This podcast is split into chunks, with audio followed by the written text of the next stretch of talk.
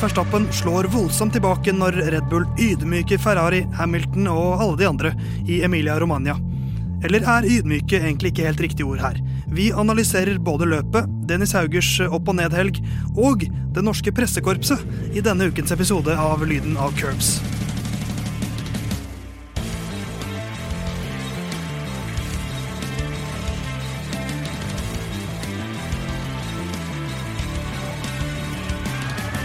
Lyden av Curbs er tilbake. Aldri har vi vært tilbake så raskt etter et Formel 1-løp. Hvis du hører podkasten vår nå, så kan du jo ha hatt muligheten til å høre den samme dag som eh, løpet denne helgen gikk. For idet vi spiller inn eh, vår episode om eh, Emilia Romanias Grand Prix, så er det bare en time eller to siden løpet gikk i mål. Theis sitter fortsatt bak spak og klaff, og Jon Halvdan, brillene er klare, og du er klar til å oppsummere et eh, løp du har friskt i minne. Ja, det, Men stemmen var ikke klar. God start. Eh, Det, er jo, eh, det setter jo et visst press på meg som skal publisere det her, at eh, man skal kunne høre det samme dag. Som, men det, det får vi til. Eh, Det ble jo en, et litt kjedelig, men for meg som jo fylte 30 i år, passende løp. Stemmer. jeg burde, Hvorfor gratulerte? Jeg har ikke gratulert deg med dagen enda i dag. Han, han hadde det ikke på Facebook, da, så det er ikke så lett å Jo, det tror jeg du hadde. ja, Hadde du det? Det fikk ikke jeg med meg. ja, det, det spiller ingen rolle Gratulerer med 3-0 over livet, Jonathan, i hvert fall. Ja, og det ble jo da, eh, kan man jo si, 3-0 eh, i løpet av helga, med seier til Max på eh, lørdag og 1-2-seier til Red Bull i dag. Så det føles for meg ganske passende på en helg der jeg har fylt ja. 30. Mens du, Herman, har jo allerede karpet ordet her. Men du har også fylt eh, 30 allerede, Ja. og er jo den mest modne av oss. Det stemmer. Eh, Hvordan går det med deg for tiden? Eh, Det går fint. Det var jo Helgas høydepunkt var jo rett og slett eh, at dere kom og så Formel 1. Den stående invitasjonen på Grünerløkka. Ja, den I ble tatt imot, den. Ja, og det var supert. Og nå er vi da ekstremt eh, aktuelle her med å få spilt inn og ut eh, samme dag. Så her er det tipp topp. Og helgens høydepunkt for meg, det var den kjøreturen med Jon Halvdan opp til studio. Eh, Jeg satt i baksetet i Teslaen eh, til Jon Halvdan og fikk oppleve et ekte Tesla-raseri. Ja. For du er en hissig sjåfør, Nei, det det syns jeg er strengt. Han er en hissig Ja, og det var så teit. Og sånn Nei, det var veldig, veldig passende aggresjon overfor uh, sånn uh, luntekjøring. Det var en eldgammel mann som kjørte ut i, felt, uh, i feltet, sier jeg. Som, som nølte litt inn i et kryss. Ja, Og det Han var ikke greit. veldig. Han hadde nølt i nesten fem minutter. Og så akselererer du rundt og forbi og banner og For det er den akselerasjonen Ja. Nei, som, som jeg tok Og det var innafor ring 2. Så nei, Jon, eh, du leder 3-0 over livet. Og det var men, aldri eh, over fartsgrensa. Nei, det kan godt være. Nei, men det har gått unna både eh, på Grünerløkka og eh, i Italia. Vi skal, eh, vi skal jo prate mest om Emilia Romanias Grand Prix i dag. Vi skal se litt på hvordan tippinga vår har gått. Ikke så veldig bra. Vi skal prate om Dennis Hauger i Formel 2, der det også har gått bra og dårlig samtidig. Så skal vi se litt på mm, si, en slags metaprat om hvordan nordmenn prater om Formel 1. Eh, Men Jon, før vi går inn i Emilia Romanias Grand Prix, du har et ikon i notatene dine før hver, eh, hvert løp. Eh, og det var eh, Du hadde vel spagetti eh, da vi skulle inn, introdusere Emilia Romagna forrige uke. Hva har du denne uka? Om Ja. da, når vi skal oppsummere? Ja, men Så kunne kanskje tro at det var bursdagskake, men eh, det da som heter Nomini Fadesi Italia, har da eh, et, eh, et okseikon. Ah, ikke sant, passende nok når eh, Red Bull-oksene eh, travet inn til en dobbeltseier. Vi skal ta for oss Emilia Romanias Grand Prix.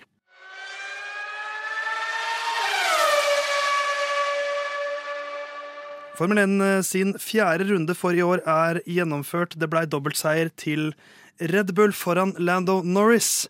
Eh, Og her i Lyden av Curbs så pleier vi å etter hvert Formel 1-løp eh, oppsummere hvert Formel 1-løp på ett minutt. Jeg har gjort det en gang før. Det gikk veldig dårlig, Herman. Du husker det? Jeg husker det. det.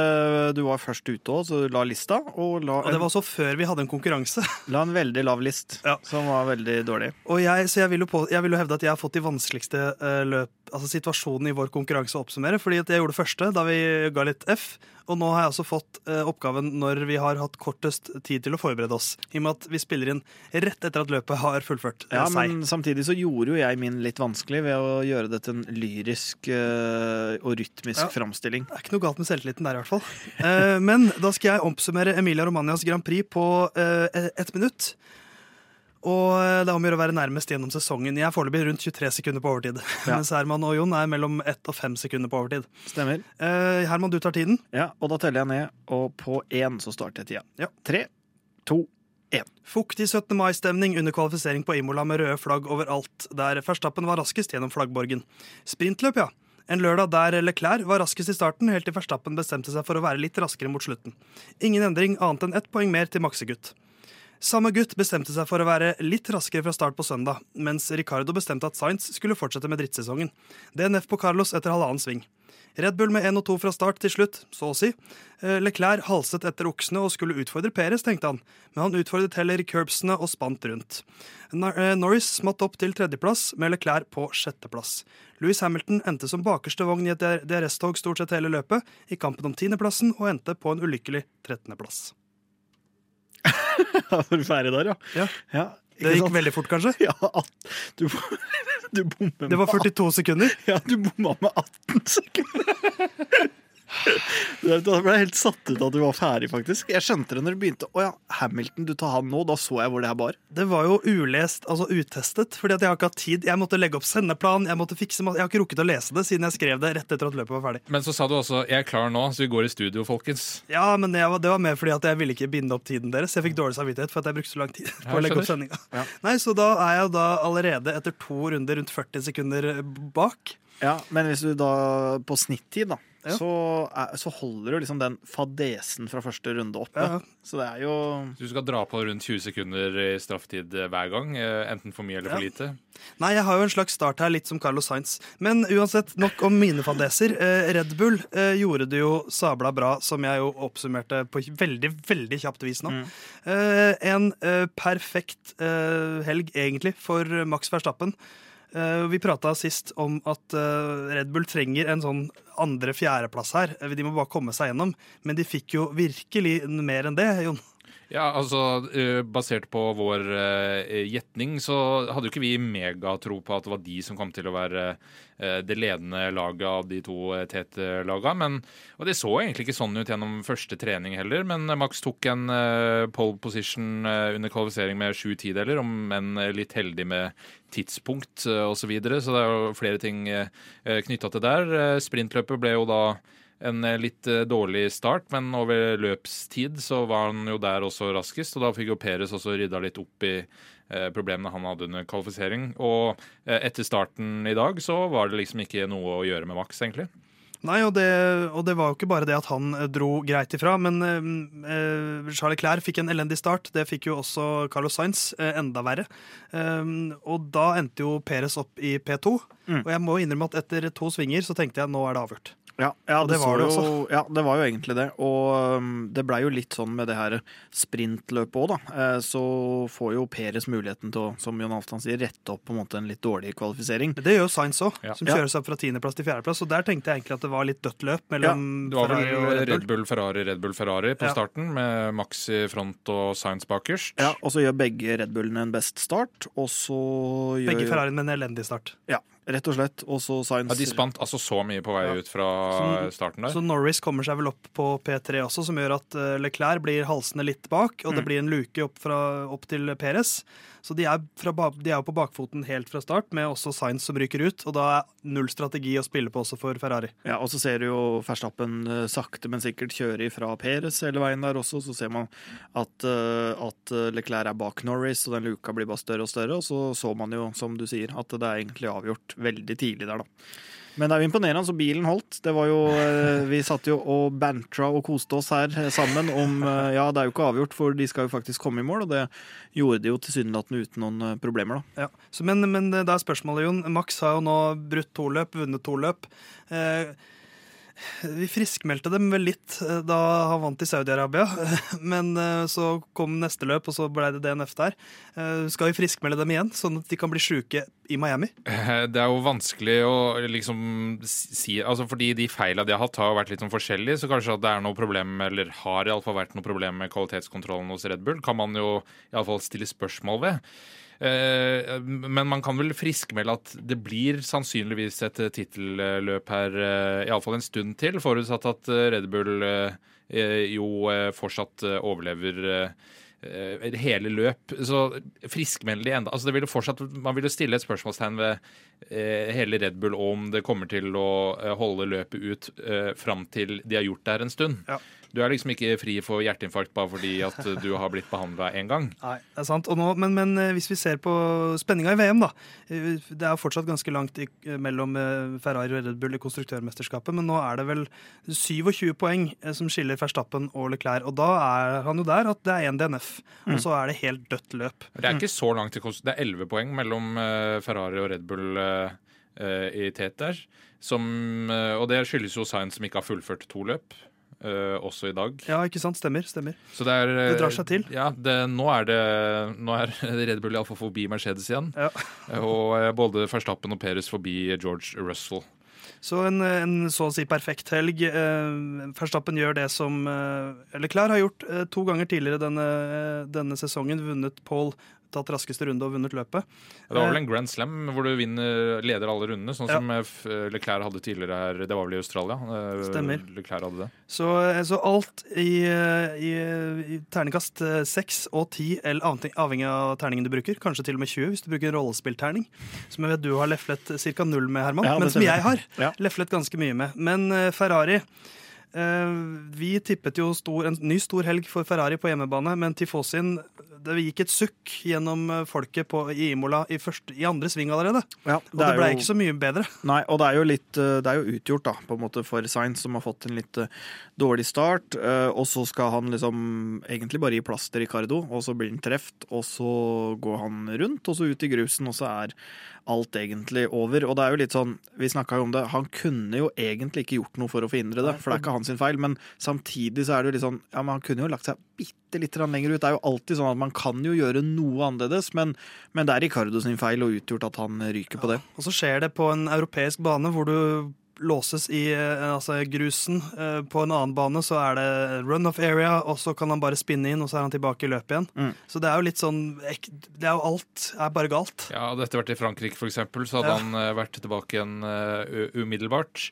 Eh, Ricardo prøvde seg på en eh, litt eh, frekk en der òg, med å si at det var Botta som kjørte inn i han. Og det gjorde han riktignok, men etter at Ricardo hadde kjørt ut Science.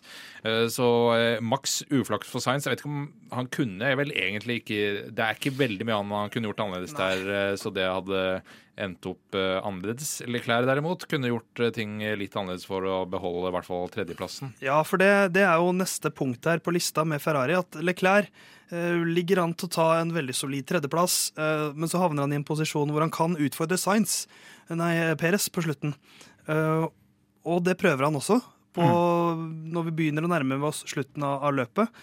Eh, og hva skjer så, Herman? Nei, da jo, prøver han jo å pushe for mye. Han kommer jo ut eh, eh, sånn at han kan utfordre Science, får DRS og, og begynner å ja, prøve, prøve å komme seg opp på andreplass. da. Eh, og så kommer han, eh, mister han vel DRS, eller i hvert fall helt eh, touch and go der, og blir å kjøre for aggressivt og over en curb, og nærmest letter jo og går rundt, og er vel egentlig heldig som eh, får bilen i en sånn tilstand at han kan fortsette, men må jo da inn og pitte, få på ny frontvinge og ut igjen, og da begynner jo kampen om å minimere tapet her, egentlig, da, mer enn at han bare kunne trygga inn 15 poeng. Så summa summarum er at han kommer seg opp på 8 poeng eh, istedenfor 15 trygge. Så det er 7 poeng tapt. Eh, og det er jo eh, Vi har jo bomma eh, kolossalt i vårt sesongtips, hvor vi tippa Carlos Sainz over. Men eh, uavhengig av det så mener jeg at vi treffer i det vi sier om, om svakheten til Leclerc. For han, kan, han er jo en fantastisk sjåfør, Jon. Men er det litt svakheten vi ser her, at han, han vil alltid alt? Noen ganger må man kanskje nøye seg med godt nok, men det gjør aldri Charles Leclerc. Ja, han har jo det kjente uh, Leclerc-sitatet 'I am stupid', og det var litt det, Det var det han var i dag. det i dag også, hvor han eh, ønsker eh, veldig mye og pusher unødvendig mye. Vi snakka egentlig om det ganske tidlig i løpet, at Ferrari her uten strategisk eh, spillebrikke i uh, science, så er det liksom Tredjeplass er godt nok. De leder med, leda med ganske mange poeng i eh, både konstruktør- og førermesterskapet. Og det for Leclerc sin del så er det bare eh, Tredjeplass bør være nok. Ikke ta noen sånne strategiske store sjanser. Og så mot slutten så pusher han jo da for mye, og jeg er egentlig heldig i at han hele tatt får sjetteplass. fordi hvis bilen hadde snurra eh, litt mindre, så hadde det vært bakvinga og dekket som hadde gått i veggen, og da hadde sannsynligvis det vært eh, safety car og ikke noe mer Leclerc i det løpet. Ja, det var en, altså må, da, da, jeg, da, vi så dette live og jeg så en spannrunde, da tenkte jeg DNF. Fordi det, det, det, er en sånn, det var en sånn spinn og så tett på veggen, og han traff jo ganske hardt òg. Mm. Som er sånn, det, det blir vingebrekk og ødelagt bil sju av elleve ganger, minst. Ja, og det er, jo, det er, jo, også når du gjør det på en måte med eh, Når du pusher, da. Altså at han er jo åpenbart aggressiv der fordi han skal prøve å henge på Peres. Og det er jo også sånn at man så jo at han hadde et uh, tidsrom her hvor han kunne prøve å utfordre med DRS, og det begynte egentlig å glippe. Så det er jo, sånn, det er en veldig desperat Leclerc som går i veggen der. Og det er jo, som vi har landa på her, da, det er jo dumt. Han burde tatt de 15 poenga og og løpt, rett og slett. Så en dyr lærepenge for Charles Clair, eh, som ikke har lært av den lærepengen før. Kanskje eh, måtte det enda en gang til for at Monegasken lærte. Eh, det var de to beste lagene. Eh, om noen strakser tar vi for oss resten av lagene.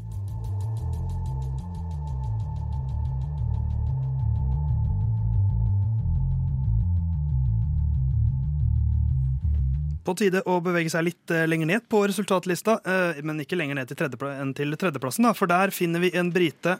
Han heter ikke George eller Louis, han heter Lando. Eh, og han har fått sesongen sin skikkelig i gang nå. Begynte helgen veldig bra med en tredjeplass i kvalifiseringen, som riktignok var en veldig spesiell kvalifiseringsøkt, hvor alle ikke fikk ut alt de hadde i bilen sin, men still tredjeplass. Ned til femteplass i sprintløpet, men kjører seg opp igjen til tredjeplassen når uh, Charles Leclerc spinner ut. Og uh, må definitivt kunne si nå at det er stigende formkurve på McLaren, Herman, når vi ser Lennon Norris sine posisjoner. 15, 7, 5 og nå 3. Ja. Bra helg for Lando. Ja, bra helg. Og det så jo egentlig bra ut for, eh, for, hele McLaren, med Ricardo inkludert, med sprintløpet og kvalifisering. Og så gikk det jo som det gikk i første sving, og løpet til eh, Ricardo blei jo ødelagt. Og det blei jo også brukt til litt eh, prøving med dekk og sånne ting. Så han surra rundt helt sist. ja, han surra rundt, og det var ikke mye, var ikke mye han fikk utgjort. Men, men McLaren-bilen så jo veldig bra, og altså, resultatet til Norris snakker jo egentlig for seg sjøl. Og de ser jo nå De var jo egentlig i en sånn der derre vaka rundt bak Ferrari og, og, Red Bull, men foran Mercedes. Altså Russell var jo ikke egentlig i nærheten, så det, det kan jo godt hende at de nå er uh, oppe ved, ved den tredjeplassen og best of the rest, da, egentlig, akkurat nå. Ja, vi var bekymra etter første løpet her, Jon, hvor McLaren var helt off, men de, for de har klart det som Mercedes ikke har klart. De har klart å snu det her. Ja, og det henger nok noe. Ja, det henger nok litt sammen med at bilen deres iallfall per nå er bedre enn Mercedes, og var det også i starten av sesongen. Men de hadde noen bremseproblemer eh, som tok mye oppmerksomhet eh, tidlig i sesongen, og også noen Ricardo-problemer eh, som nok prega laget litt. fordi det er jo ikke bare, de kjører jo ikke bare bilen, de gir jo litt sånn input og kan jo være en ressurs på problemløsning. Når det gjelder Ricardo i dag, så er jeg litt usikker på om han hadde foretrukket å endte opp som Science og bare ikke kjørt noe mer enn første runde. fordi jeg vet ikke om det var en veldig oppløftende dag dag eh, for eh, australieren der. Eh, surrende rundt bakerst. Og Norris han fikk jo sementert sin tredjeplass litt ved å kjøre ut i kvalifiseringa på fredag. For han kvalifiserte jo P3. Men løpet i dag og sprintløpet er ikke noe å si på. Og det er åpenbart en bil med en del løpstempo i. Et lite knepp bak Red Bull og Ferrari, men ligger nok i alle fall rundt Mercedes sånn overall. Uh, Mercedes så ikke bra ut i kvalifisering, men det skal vi komme litt mer tilbake til. Det skal vi. Uh, men fortsatt store kontraster da, internt i McLaren, Herman. Hvis vi ser sammenligninger de to nå. Landon Norris er nå på sjetteplass i uh, førermesterskapet med 35 uh, poeng. Mens Dan Ricardo etter sjetteplass i Australia, da trodde vi liksom at nå har han kommet seg opp igjen. Han har fortsatt da 11 mm. poeng. Han fikk jo da også noen poeng med fra, fra sprintløpet her. Det, det er akkurat som i fjor. Ja, ja, det er det. Og det er jo den her nedadgående trenden, da, egentlig. Alle, alle vi eh, som kommer inn i den her Drive to Survive-æraen, eh, har jo et godt øye til Ricardo. Han bygges jo nærmest opp som en hovedfigur. Eh, Ikke bare nærmest. Nei, men nesten serien igjennom, og Ja. særlig da i sesong én, så bygges han jo nesten opp som Formel 1s hovedfigur. Eh, og det er jo da litt trist sånn utvikling det har blitt på han, da, for oss som begynte å følge med da. og det er jo egentlig bare fortsettelse av det her. og som Jeg visste ikke det før du sa det tidligere, da, Theis, at eh, han hadde sagt at hvis ikke det var for Las Vegas, eller i hvert fall rapportert at Han hvis sa ikke det var, sitt køddente, han sa det på sin køddende sånn ja, at hvis ikke det var for Las Vegas, så hadde han egentlig tenkt å gi seg. Men eh, det var liksom et løp han hadde, hadde lyst til å kjøre. Og ja, om det er hvor mye sannhet det er i det, som du påpeker, det er jo, eh, det er jo ikke godt å si. Men han virker jo litt ferdig. ja, Som Botta sier, det vet vel bare han. Eh, men uh, videre til et annet lag som uh, helst sikkert vil glemme denne helgen også, men de fikk George Russell opp der, da. For George Russell og Mercedes har jo vært de Den kombinasjonen har funket best så langt i år, kontra Hamilton og Mercedes. Så Russell var der, mens Hamilton hadde en bekmørk helg. Det var en elendig kvalifisering av begge biler, egentlig. Russell på 11.-plass, Hamilton på eh, 13.-plass. Eh, Så gikk ikke sprintløpet så veldig mye bedre. Eh, 11. og 14.-plass etter sprintløpet. Og så blir det en fjerdeplass og 13.-plass i, i, i løpet. Så Russell kommer seg opp der mye pga. en veldig god start. Eh, Og så var han litt heldig med, med det som skjedde foran der, og så smatt han rundt. Men, eh, men Hamilton hadde en kjedelig helg. Ja, altså Russell han starter jo på 11.-plass og er oppe på 6.-plass uh, i sånn sving 3. Uh, selvfølgelig tjent på at to førere ligger og driver og kjører rundt ut på grusen Ja. der. Men fra da av så gjør han en uh, solid jobb for Mercedes. Han er jo under press fra Bottas de siste rundene også, og klarer å holde stand tilbake til, til finnen. Og Hamilton endte jo da, som du jo sa i din eh, oppsummering, bak eh, et DRS-tog, som jo er eh, når flere biler eh, ligger etter hverandre med mindre enn ett sekund, og da ikke får egentlig utnytta den fordelen med å kunne åpne bakvinga. Og eh, jeg tror han nok kan tegne den eh, bakvinga til Alfa Taurin eh, litt seinere i dag, i ganske detalj, for han lå der og holdt på jo nesten hele løpet. Og sånn sesongen under ett så leder jo nå Russell med 21 poeng på Hamilton, som jo kanskje ikke er det man hadde trodd eh, Man hadde kanskje Det var de to, 1-2 kanskje, i starten av sesongen, men da Hamilton 21 poeng foran Russell. Så eh, jeg tror ikke det er Den er ikke gøy å kjøre, den Mercedesen. Det ser brutal ut. Ja, altså, den, Det er headbanging på metallnivå. den ser ordentlig røff ut sammenligna med de andre bilene. Så ser den liksom uferdig ut, og ikke da i uh, utseende eller noe, men hvordan den porpoisen ned uh, uh, langstrekket der, så ser det, det ser ikke behagelig ut.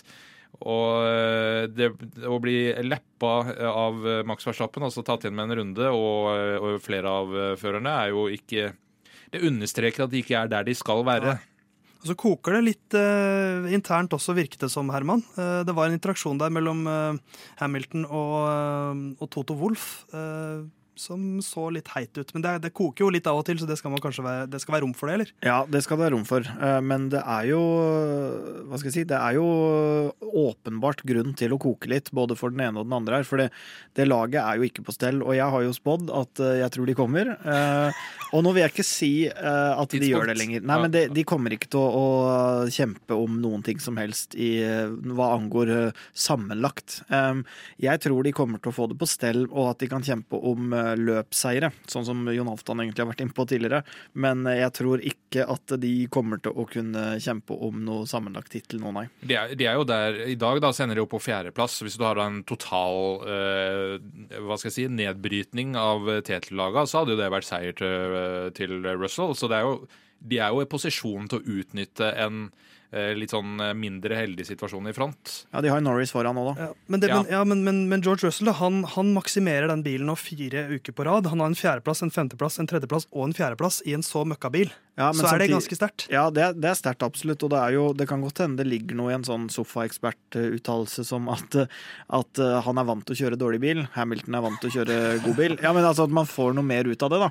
Det kan jo være en, en logikk i det, men eh, så skal man jo ikke glemme at Hamilton, sånn som i dag, har jo et treigt pitstop og havner nettopp i det her DRS-toget. Og han har jo også vært uheldig med safety car tidligere, så det, det gjør jo utslag på poenga. Så man kan ikke nødvendigvis sitte og se på, hva skal jeg si, på tabellen Nei. og så konkludere ut fra det. Ham Hamilton har hatt en, en, en veldig uheldig start på sesongen, men hvis vi ser, uh, hvis vi ser på tabellen, Herman, Mhm. og ser hvem som ligger under uh, Louis Hamilton på tabellen nå Fire poeng bak. Valtteri Bottas. Ja. Altså, det er så fascinerende. I fjor så var liksom Bottas helt ute av det. Han var, altså, han var langt ute. Han hadde en dårlig sesong i fjor Ja, i eh, den var- beste bilen. Han var, han var vel aldri så nære som fire poeng bak eh, Hamilton i fjorårets sesong. Mens der har vi en, en flyvende finne, Jon. Og han har jo, han har jo også brutt et løp. Um, men han har en, nå blir han nummer fem. Og nummer sju også i sprintløpet. Han kjører så bra. Ja, Når vi snakker om å maksimere bilen og en litt dårlig bil Nå er nok den Alfa Romeoen i utgangspunktet en dårligere bil enn Mercedesen, men det er jo litt med ressurser og eh, personell osv. Så, videre. så han maksimerer virkelig den, eh, den Alfa Romeoen, som helt åpenbart eh, er i stand til å ta poeng. Det har Bottas vist alle løp han har fullført. Eh, og var jo da noe uheldig i Australia, hvor han ikke fullførte. Men det sier jo egentlig mer om den posisjonen han er, at fire poeng bak Hamilton, som jo tross alt har fullført alle løp, om enn ikke i poeng i dag. Eh, Så det- det Bottas leverer, er, eh, om man vil kalle det gjenoppstandelse, er liksom vanskelig å si. Men han blomstrer i et nytt Ja. lag der han får være nummer én. Og så får han jo, Det er jo en fin sånn Ok, kanskje han aldri vinner et Formel 1-løp igjen, men han får jo bekreftet hva han kan. Og det tror jeg han har savnet. Å få vise liksom at jeg kan kjøre bil, jeg òg. Jeg er ikke bare en sånn uh, Hamiltons uh, nummer to. Nei, og det var jo litt sånn i fjor og tidligere sesonger at han sleit når han havna ned i midtfeltet. Når det ble bytta motordeler så han fikk eh, grid penalty og alt sånt der, så, så kunne han ofte bare bli baki der. Mens nå er han jo faktisk en liten en småkonge i, eh, Ja. i midtfeltet her og manøvrerer og, og holder på. Peak eksempel på at en, en, stor fisk kan ha det litt bedre i en litt mindre dam. Uh, Kevin Magnussen, vi må ta et kjapt has, eh, en kjapp has-nevning også. Han blir nummer ni og nummer åtte i sprintløpet. Ikke like bra som de var i starten, men Has fortsetter å plukke poeng. Ja, det gjør det, og de bommer litt i sprintløpet der med å sette han på mediumdekk. Det virka ikke som noe superstrategi, selv om det vel gikk bedre for makkeren eh, Mick. Så, så så det ut som eh, Magnussen sleit med det, men eh, er jo voldsomt bra, da. Og jeg har jo et horn i sida på, på nettopp Mick, og han leverer jo ikke akkurat nå i, på Imola heller. Nei, eh, nå hadde jo Magnussen Han starta på fjerdeplass, så jeg vet ikke helt hva Has De ville vel sikkert passe på at han beholdt fjerdeplass eller hadde dekk nok til det, eller hva det måtte være. Men eh, han ble jo sitting duck, eh, som eh, jo sier, etter hvert. Og endte på Var det åttendeplass? Eh, i- Niendeplass i niendeplass. løpet. Ja, men i Eh, sprintløpet. ble han nummer åtte, ja. Ja. Siste som tok poeng. Ja, så eh, det- er jo en eh, Sammenligna med forrige sesong er det utrolig oppløftende det Has har levert eh, så langt. Eh, Litt sånn eh, snakkerier eh, før den eh, løpshelga her om at man begynte å kalle den for den hvite Ferrarien, fordi det var en del deler som eh, ligner, og de deler jo eh, vindtunnel osv. Men eh, ikke noe, det er ikke blitt noe eh, protester, iallfall ikke offisielle enda, men Eh, uansett så ser Hasen mye bedre ut enn det den gjorde i, i fjor. Og nå er det jo faktisk deltar de i løpet, og ikke bare er med. Det er jo et kompliment i seg sjøl, da. Og at det begynner å bli en oppmerksomhet rundt at de liksom har kopiert noen, og, og at de liksom er eh, Ja, at- det kanskje vekker litt interesse, da. For det var ikke mye med den bilen som vekka interesse de siste sesongene. Mens nå går det så det suser. Eh, Det går ikke så det suser med tippinga vår. Vi skal ta en titt på det.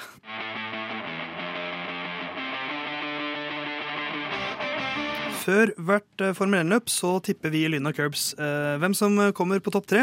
Og vi tipper også en ukens sjuking-variant, hvor vi tipper en spesiell hendelse som vi tror kommer til å skje i løpet av løpshelgen. Og da tenkte jeg vi kan begynne gutter, med å gi litt skryt til våre kjære lyttere. For de traff bedre enn oss denne helgen. Ja, det var hårreisende for min del her. Vi kommer tilbake til det, Herman.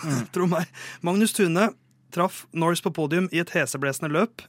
Innregnet. Det var kanskje ikke heseblesende, men han traff på første delen. Den er ganske syk, faktisk. omstendighetene var jo litt sånn Ja. heseblesende, om enn ikke Og med i- kvalifiseringen ja. var jo Så det var jo Jeg syns du skal få for den, Magnus. Veldig bra jobba. Um, Herman, du sendte inn da tips. Uh, Herman treffer igjen. på vår Instagram-post. Det traff du ganske dårlig. Ja. Men eh, den som ja, virkelig traff, var jo en som jeg var litt sånn ja, lykke til med den. Eller jeg, jeg sa i hvert fall det er, den får i hvert fall min godkjenning. Eh, André Røsvik som tippet Fettel på topp ti. Og Fettel var ikke bare på topp ti, han var på, eh, på åttendeplass. Um, og Lance Stroll var på tiendeplass, så fem poeng rett og slett til, eh, Alfa, nei, til Aston Martin, som hadde null poeng før den helgen, Jon. Ja, det er jo eh, med Fettel da, som har hatt eh, nå e- e- ett løp pluss noen svinger i Australia. Eh, står nå for eh, 80% av poengene til, til Aston Martin. Jeg trenger ikke si noe mer om akkurat hvordan, hva det sier om Lance Stroll, men Fettel har iallfall fortsatt noe. Ja. Eh, så må de få mer ut av den Aston Martin-bilen. Men, eh, men fint for, for dem. Og så nevner vi også at Yuki Sonoda var der oppe på, på en veldig veldig fin sjuendeplass. Kjørte veldig bra, eh, gjorde japaneren. Men eh, det var mange, nå har vi skrytt av mange, både førere og eh, lyttere. Men eh, paneldeltakere her i Lyden av Curbs har, gjort en el- har gjort det elendig. Vi har fått ett poeng hver, gutter.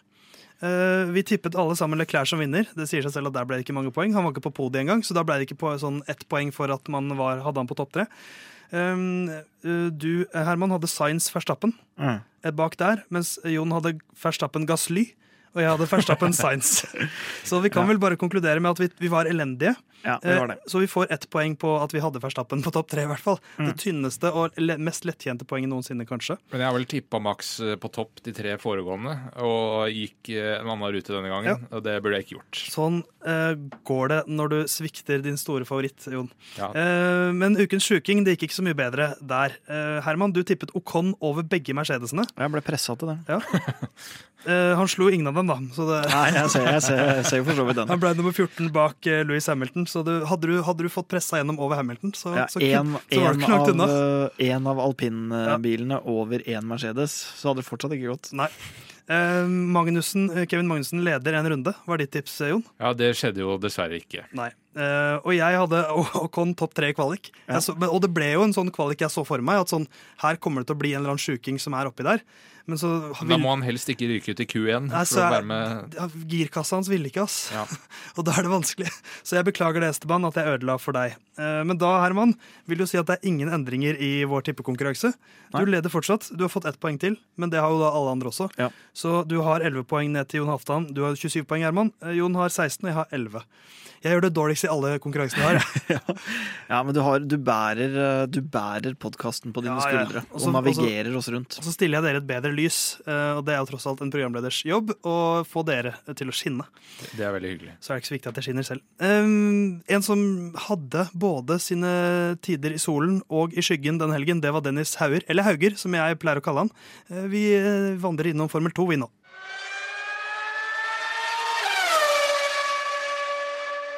Vi setter eh, Formel 1-praten litt på pause, og så trykker vi start på praten om Formel 2.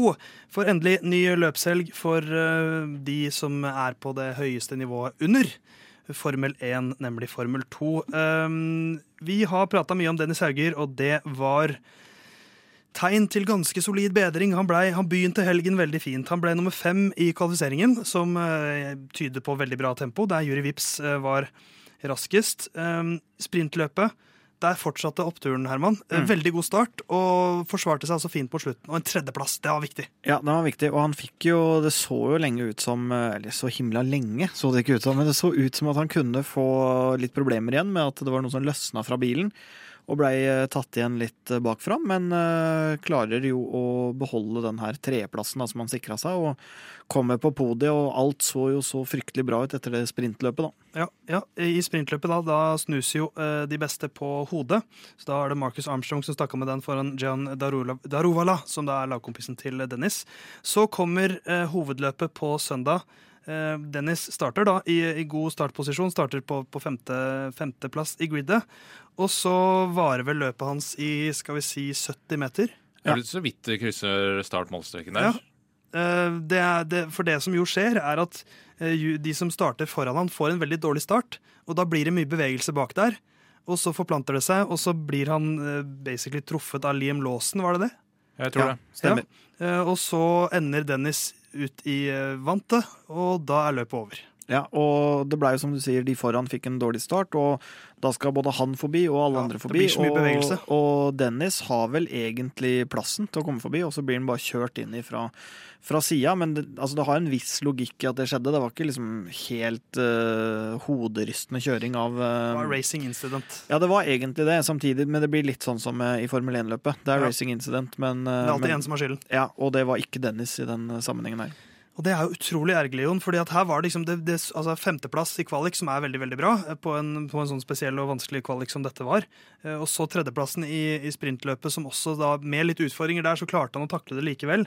Og så, og så går det rett i dass igjen. Ja, nå har han jo poeng da i to av seks eh, mulige løp, og det er jo ikke veldig bra. Nå er jo igjen da ikke egentlig hans feil, iallfall ikke sånn utelukkende. Så det er jo eh, kjedelig for eh, Dennis at eh, det blir liksom nok en sånn helg. Man føler vel litt at man aldri får liksom pause fra uflaks og eh, at det skjer kjipe ting eh, rundt den, men eh, det er en del av gamet, det òg, så det gir jo i hvert fall eh, mye erfaring, da, om ikke annet. Ja, Han viser jo denne helgen litt for første gang, føler egentlig jeg, at han har tempo inne.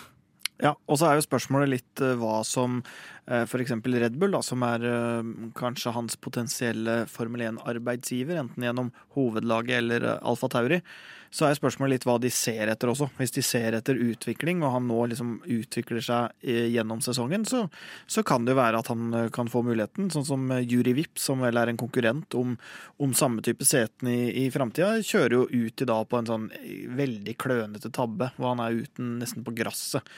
Eh, og mister festet og, og kjører rett ut. Sånn at det, det, er ikke, det er jo ikke sånn at det er helt krise at eh, det går dårlig sånn som i dag. Det er jo ikke hans feil. men men vi vil jo gjerne se bedre resultater og, og rett og slett se mer også, da. Nå har han jo mista gode posisjoner i, i, flere løp, både på uflaks og tekniske ting og Ja. sånt. Ja, og så, og så er det jo, som du sier, han, det er jo spørsmålet hva Red Bull ser etter. Og de ser jo også at dette er hans debutsesong. Theo Porcher vant uh, sitt andre løp ved å vinne da uh, hovedløpet. Han leder nå uh, foran Felipe Drogovic, som hadde en litt dårlig helg, og eh, Daruvala. Og alle de tre har minst én sesong i Formel, Formel 2 fra før.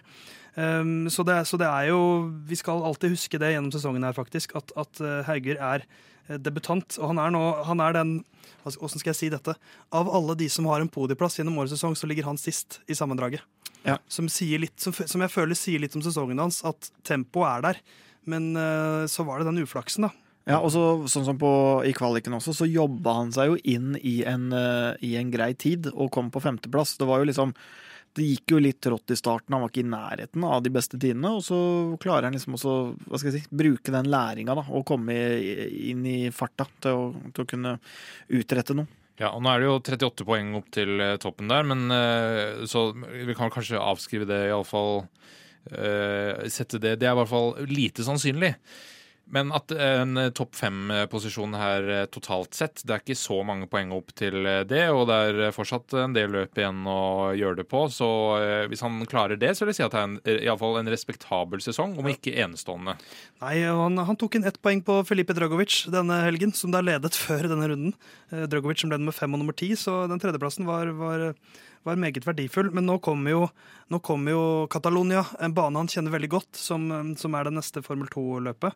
Så, og det er jo det som i hvert fall jeg har sagt tidligere, at nå, nå håper jeg vi får se Dennis i Europa på baner han kjenner litt bedre. eh, Og på liksom en type, en type racebane som han er mer vant med. Så, så jeg håper jo at den tredjeplassen er noe som han husker best fra helgen her, da. Ja, og det er jo, hva skal jeg si, jeg ser for meg at uh, førerne både i Formel 1, 2 og 3 uh, har en god evne til å nullstille. Hvis ikke så kunne de rett og slett ikke drive med den, med den idretten her. Så det, det, er, det gnager nok litt uh, enda, men man må nok bare glemme det man ikke kan gjøre noe med og gå videre. Ja, jeg tror også de er veldig flinke til å finne ut hvorfor det ikke er sin feil. Sånn at man eh, passer på at det Ja, er, det er en eller annen eh, uten, eh, utenforliggende årsak til at eh, dette skjedde Ja. i dag. Og her syns jeg jo faktisk Dennis denne helgen så er det For tidligere har det vært litt sånn da han, eh, da han mista en mulig seier eh, ved å ligge først og kjørte inn i pit og, og så bla, bla, bla, bla, bla, bla. Da eh, føler jeg jo at eh, det, det var, kan, Da kunne man si det var litt din skyld òg. Ja, Da Mens kan her- man fordele noen prosent skyld, men her syns jeg ikke det. Ja, så denne helgen gjør han alt det han har kontroll over selv, gjør han veldig bra. Ja. Så, Og, det, og det ser jo garantert sånn som Red Bull og, og Helmut Marko og de som faktisk sitter på nøkkelen til, til framtida hans. De ser jo alt det her. ja, og det er mange nordmenn også som ser det Dennis Hauger holder på med for tiden. Vi eh, har eh, litt lyst til å prate litt om eh, hvordan nordmenn prater om Formel 1.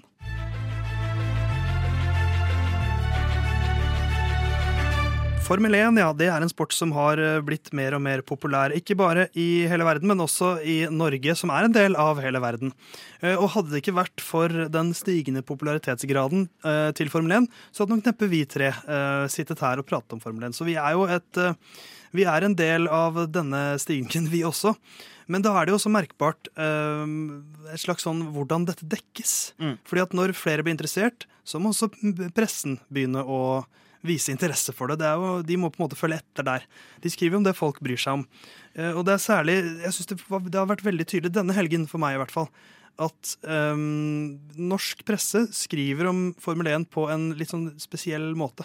Ja, og det går jo ikke på, altså, jo ikke på fenomenet klikk, eh, klikkjournalistikk. Altså, det, er, det er så enkelt som at det leserne har lyst til å lese om, det, det er det som avisene skriver om, og det er det de vinkler på, da, som det heter. Det, det er oppe og vedtatt. Men eh, det jo kanskje, sier jo kanskje vel så mye om eh, hva skal jeg si, tilhengerskaren da, til Formel 1 her i Norge som, som til faktisk mediene. For her var det jo da eh, litt det du sikter til, at det var jo veldig av det her at Hamilton gjorde det dårlig, og at Hamilton ble lappa av Ja. Verstappen.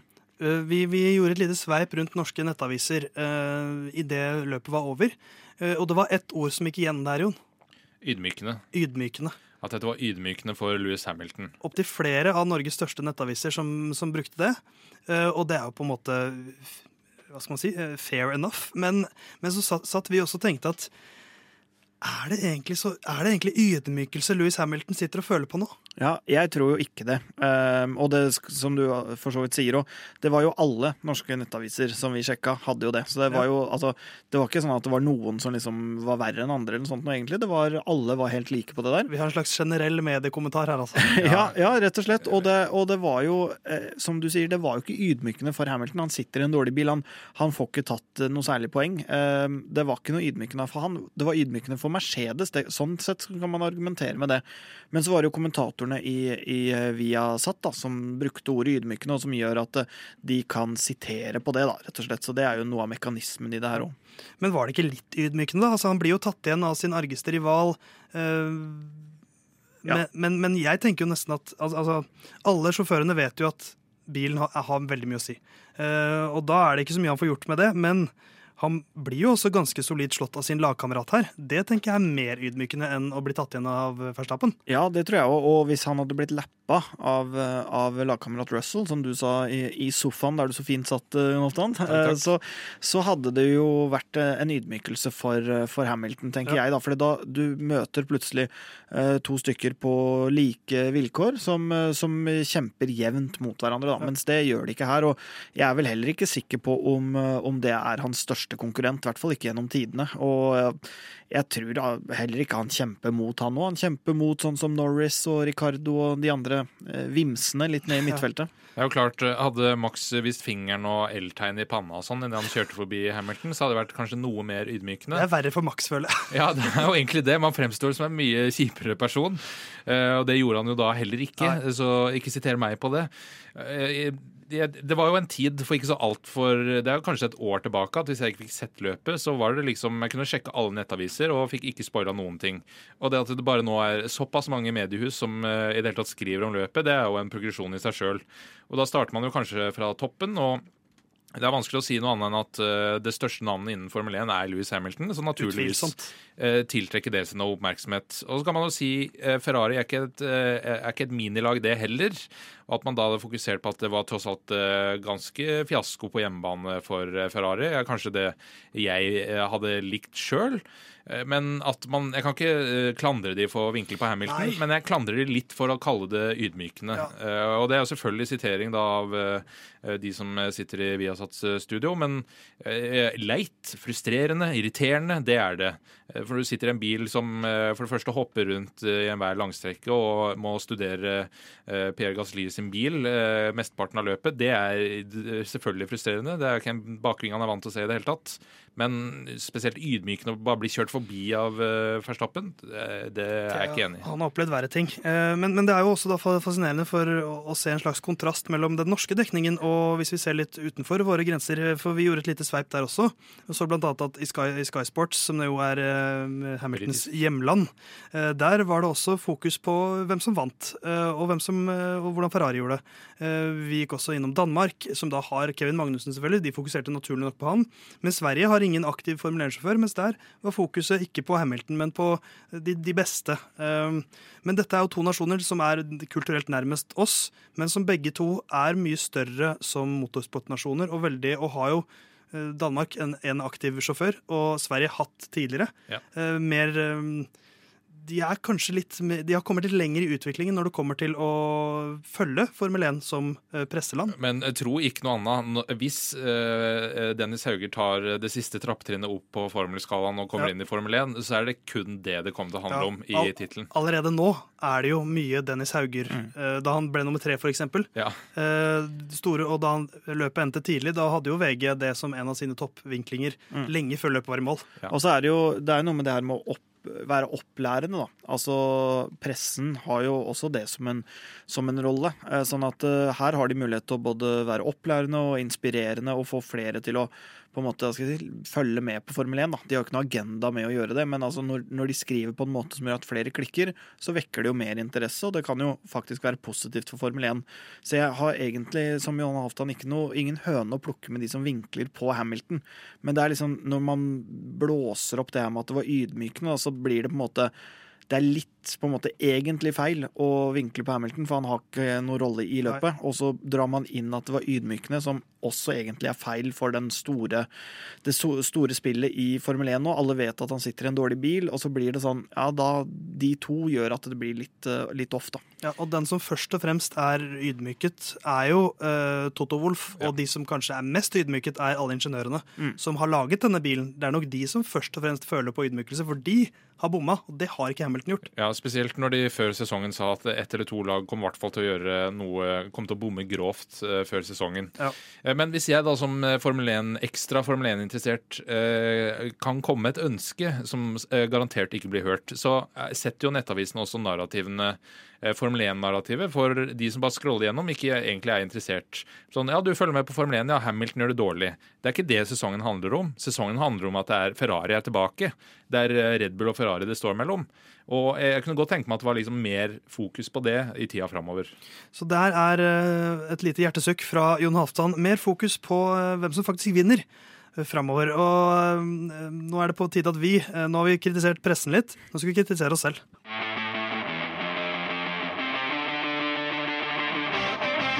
Herman, Jon Halvdan og Theis her, vi er Lyden og Curbs, og vi har bedrevet vranglære. Eh, I vår forrige episode så eh, sa vi at det er kvalifiseringen på fredag som setter startgridet både for sprintløpet og for hovedløpet på søndag. Slik er det da ikke. Det er kvalifiseringen som setter eh, gridet for sprintløpet, og så er det sprintresultatet som setter gridet for hovedløpet. Så vi beklager. eh, Vi har jo en korreks. Det må vi komme med når vi gjør feil. Ja, og Grunnen til det er at noen lot seg veldig hisse opp over at uh, hvis man vant kvalifiseringa før sprintløpet, så het det ikke pole position. Ja. Uh, det var at, uh, så, så det er derfor de endra navnet til pole position på de som vant uh, kvalifiseringa før sprintløpet. Eh, men ellers så var det, bortsett fra å endre litt på poeng og sånn, så var det ikke i praksis noen forskjell. Eh, så vi bidro til litt ekstra forvirring der, og må bare beklage det. Ja, og så sier det jo litt om at eh, det ikke er nødvendigvis er ryddig og enkelt å forholde seg til alt i Formel 1, blant annet sånn som de endringene her. fordi For å forsvare oss, da. Det var dårlig av oss, vi skal være bedre forberedt. Men allikevel så er det sånn Ja, det var jo en del rot òg. Så når ikke vi nødvendigvis har helt koll på det, så kan det jo være at, at de kan gjøre noe med kommunikasjonsform og formater. Ja, og FIA, som jo er eh, de som bestemmer over Formel 1, eh, eh, Fifa for, for Formel 1, de har ikke oppdatert regelboka si til, gjelde, til gjeldende sprintløpregler. Så det er ikke bare oss som roter litt.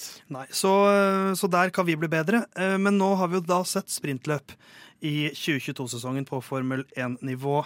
Eh, Det begynte jo med Max Verstappen først. Charles Leclerc begynte veldig bra og pusha veldig på. Eh, Så var det en tidlig hendelse der også, hvor det ble safety car.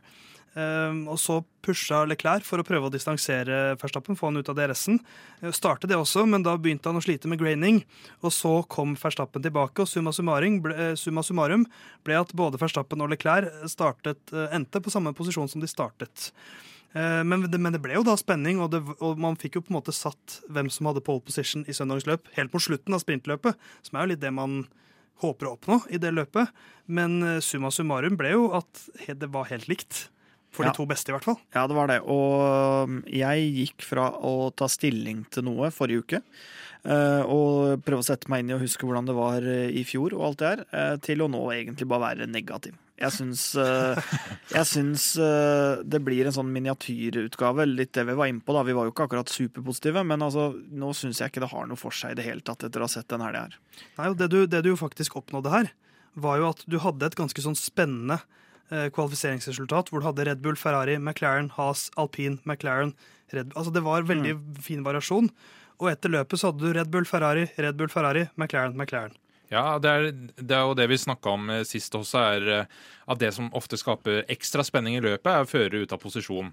Og Det du da gjør med det sprintløpet, når det også da skal sette grid til eh, hovedløpet, er at de førerne som var ute av posisjon, de får rydda opp i det. Så får du da en ekstra kjedelig start på selve hovedløpet etter en veldig spennende kvalifisering. Ja, Og kudos til Perez som kjørte seg opp fra syvendeplass til tredjeplass, og spesielt til Sainz som kjørte seg opp til fjerdeplass fra tiendeplassen.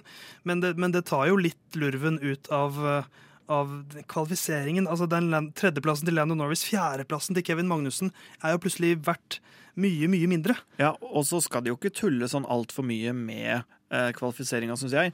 Det var ikke så veldig lenge jeg hadde vært Formel 1-interessert hvor jeg f nesten syntes at kvalifisering var morsommere enn løp. Altså, Det har vært en veldig fin totalpakke. Nå blir det med en sprintløp så blir den mindre viktig, og når de også har tatt vekk det her med, med dekka, da, som er i hvert fall en omstilling Veldig ofte så starter nå folk på, på like dekk, sånn som eh, når det var før at de aller raskeste kunne kvale på medium, og så starta de rundt de på soft, så kunne også det gi noen eh, varianter da, som kunne endre løpet helt i starten av, av hovedløpet. Så det har positive og negative sider, akkurat det med dekk, men jeg, det, det er med på å gjøre en del elementer i kvalifiseringa mindre viktig, da. Konse konseptet funker jo så veldig bra i utgangspunktet, den kvalifiseringskonseptet med Q1, Q2 og Q3. Og vi hadde jo det også nå i Q2 med Kommer Mercedesene seg ut? Mm.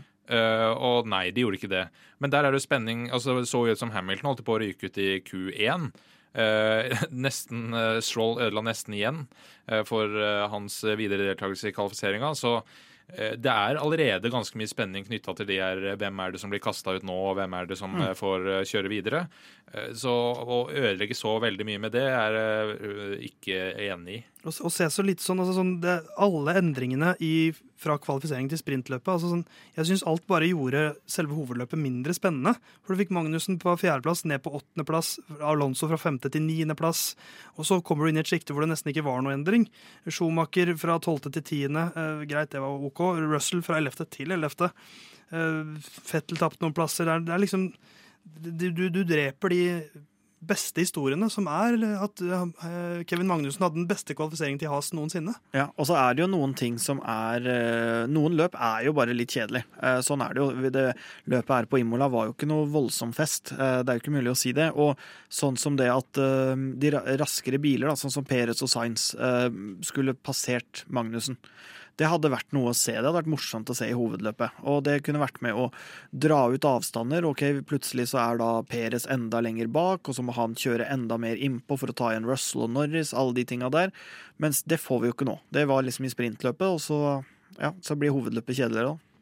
Så eh, summa summarum er vel at uh, nå har vi sett sprintløpet én gang, og vi er mindre solgt nå enn vi var i forrige uke, merker jeg. Så Ja, synes, det er jo tettere racing mellom bilene, men jeg syns fortsatt ikke formatet eh, funker. Det, jeg syns det skal være kortere, eller at man skal gjøre noe med griden, eller, eh, eller også sånn som Fernando Alonso har foreslått, at man har liksom en eh, one lap quality shootout for eh, den eh, Altså at man, man har én runde å gjøre det på, og det er liksom gridet til sprintløpet, og så har du vanlig kvalifisering til hovedløpet. Eh, Ja, den også er bedre. Eller, eller at man faktisk, hvis man skal ha det konseptet man har nå, har det på baner hvor det er enormt med forbikjøringer.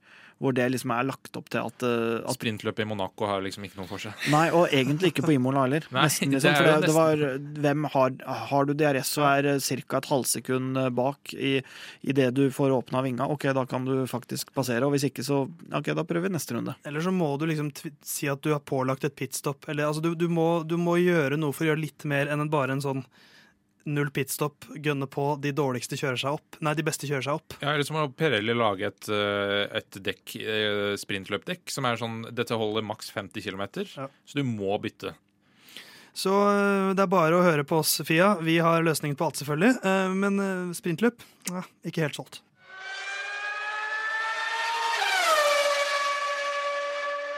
Vår post eh, Emilia Romagna-episode drar seg mot slutten, men eh, før den tid så tar vi jo alltid en litt sånn lettere beint tone mot slutten. Eh, Og vi har fått inn nok et spørsmål fra Klaus Holm Fjellro, vår eh, køddespørsmålinnsender numero uno. Eh, Bidra gjerne med flere spørsmål du som hører på. Eh, Lyden av Curbs heter vi på Instagram, og post alfakrøllcurbs.no. Der kan du også sende hva du vil. Men hold det lovlig, da. veldig gjerne. Eh, Spørsmål fra Klaus. Hvilken funksjon synes dere bilene burde hatt, som de ikke har i dag? da?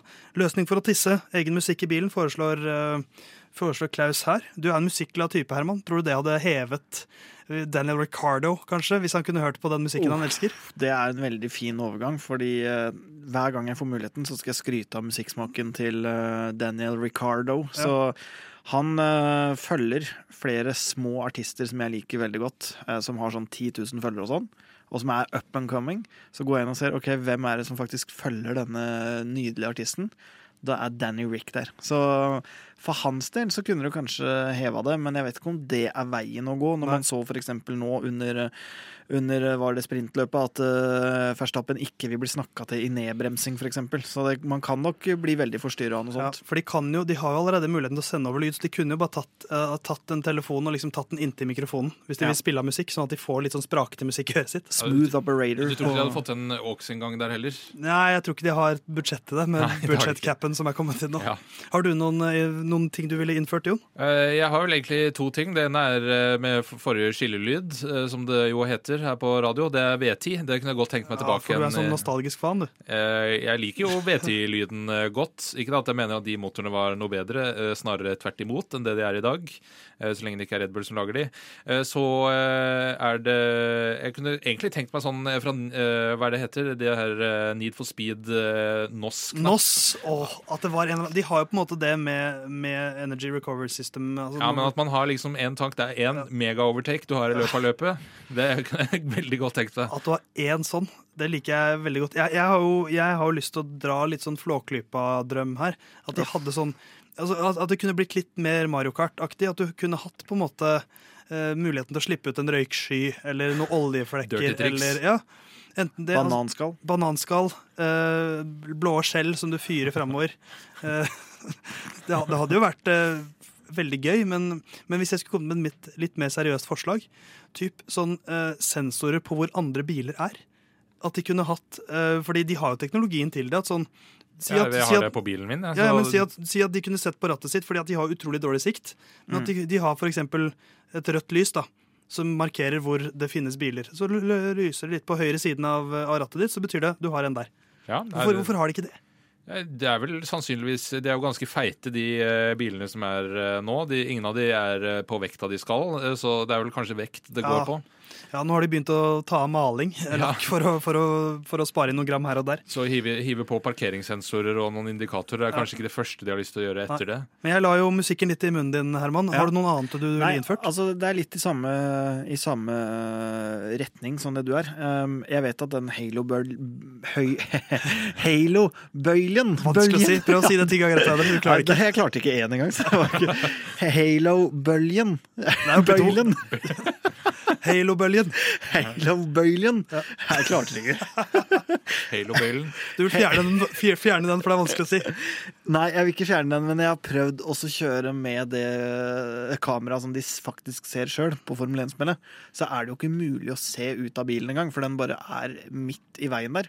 Så jeg ville gjort noe med, med utsikten, rett og slett. Hva Ja. de ser. Du, du vil ha kamera bak og skjerm i den Halo-bøylen, så man kan se rett bak seg? Tredjeperson. Nei, jeg ville bare, se, jeg ville bare kunne se rett fram. Ja. Eh, Hvis jeg hadde sittet i en Formel 1-bil, så hadde jeg ønska at jeg kunne se rett fram og rett ut uten å ha en sånn dum bøyle. i bøyle. Bølge, bølge. Jeg, jeg, jeg tror jeg ville beholdt bøylebøyene, Mm. men jeg, jeg liker, for å endre på en måte konseptet litt, at sånn et par ganger i sesongen så kjører de helt like biler. Equal cars. Ja. Ja. Men så vet man ikke det, men det trekkes før helgen. Kanskje Oi. at det er en, eller, eller sånn at man har en bilpark, og så trekkes det for hver sjåfør hver helg. Litt sånn som når Johan, Halvdan satte opp en sånn online-lobby, og alle trodde vi hadde riktig bil, og så var det Equal Cars. Det var helt uh, Hvem var det som vant den gangen, egentlig? Du på første, jeg på andre. Ja. Jeg er like stolt av det. Jeg er like stolt av det. Nei, så, så jeg tenker at hvis vi slår sammen det her, da, og får inn litt sånn feite subwoofere er, Eller kanskje det er det, det er jo egentlig det Mercedes har gjort for feite subwoofere. Det er derfor det bouncer så jævlig. Ja, det, det må være det. Eh, og eh, jeg vet ikke om det er noe annet ting man kanskje kunne tenkt seg. Eh, bedre speil kunne jo Ja. sikkert vært eh, også en fordel. Så bruk bare den Halo-bøylen til skjerm, så man Ja. kan se rundt seg sjøl. Gjerne chasecam, da, så du får liksom et godt, veldig godt inntrykk. Få inn noe Bluetooth også, så blir det litt mer praktisk. Så kan de bare koble opp telefonen sin. Infrarød. Så kan de, kan de ringe i stedet for å drive på med den dumme radioen. Ja, bruke Skype. Ja, Eh, men der, altså der syns vi har mange gode ideer der. Uh, mer Mario Kart-aktig, mer musikk og uh, mer Flåklypa. Eh, det er det vi vil ha. Med et hint av Need for Speed. Med et hint av NOS. Det er alltid det vi vil ha.